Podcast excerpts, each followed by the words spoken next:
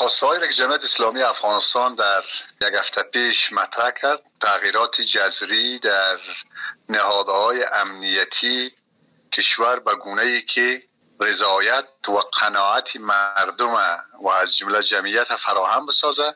متاسفانه تا هنوز در این زمینه اقدامات صورت نگرفته و اقدامات شکلی و که صورت گرفته ظاهرا از نظر جمعیت با اون تغییر و تحولی که جمعیت می‌خواه همخانی نداره. برای برآوردن این اهداف جمعیت اوضاع مطالعه می‌کنه و اقداماتی لازم و اقداماتی که مقتضی رو انجام میده. منظور شما برکناری مشاور امنیت ملی و رهبری نهادهای امنیتی است؟ تنها برقراری و جابجایی افراد به نظر ما کافی نیست. بلکه تغییرات و گونه ای باشه که اطمینان مردم و از جمله اطمینانی جمعیت حاصل بکنه که از جانشان و از زندگیشان احساس امنیت بکنن. مثلا حادثه سیزده جوزا شنبه سیزده جوزا در جنازه پسر معاون سنای افغانستان نشان داد که نزدیک بود تمامی رهبران و بزرگان جمعیت اسلامی افغانستان از میان بروند و از این باب بسیار واضح و آشکار است که جمعیت اسلامی افغانستان این زن و این شک را داشته باشه که دستهای در دستگاه های امنیتی حضور داره وجود داره که چنین زمینه هایی را مساعد می سازه و تهدیدات بسیار مهم میره. متوجه هست و بودی سران و رهبران جمعیت اسلامی افغانستان کرده. در کدام محدوده زمانی باید این کارا سوی حکومت انجام شود و اگر نشوه پیامدش چیست؟ چی روی کرده در پیش می‌گیره جمعیت اسلامی؟ یک, یک وقت بسیار مشخصی از سوی جمعیت اسلامی افغانستان برای انجام بهینه این کارها مطرح نشده اما ایرم الا ماشاءالله تا یک زمان نامحدود هم نیست. اگر خواست جمعیت برآورده نمیشه چی روی کرده در پیش می‌گیره؟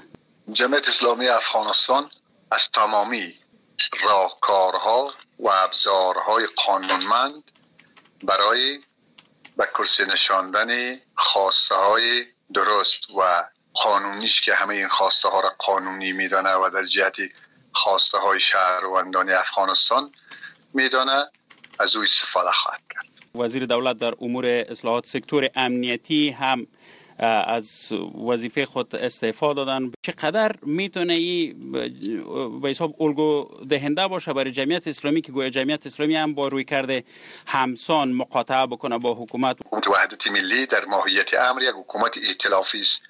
و جمعیت اسلامی افغانستان هم یکی از مشارکان اساسی این حکومت است.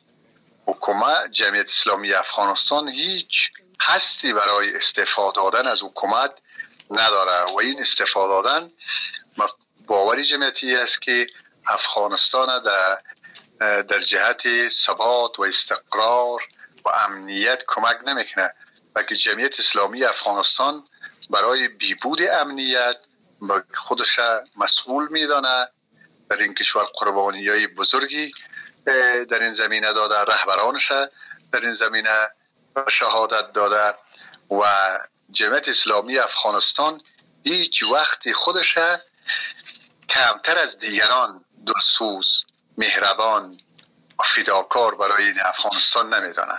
لحاظا استفاده دادن قطعا مطرح نیست. طبیعی که شما خاصتان با یک طرح به خاطر حل مشکل هم دادن طرح جمعیت اسلامی مشخصا چی است؟ به خاطر بیرون رفت از وضعیت پیش آمده در افغانستان. عمل کردن به موافقت نامه سیاسی کابل یا موافقت نامه حکومت وحدت ملی که سنگ بنیادی مشروعیت حکومت وحدت ملی را می سازه و همین مشکلات ناشی از این امر شده.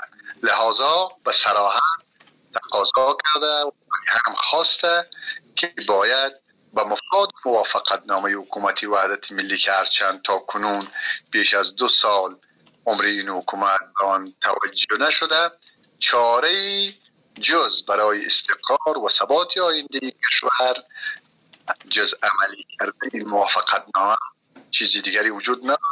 و طرح جمعیت اسلامی افغانستان هم همین هست. طرح بسیار آشکار روشن مورد اجماع ملی و بین المللی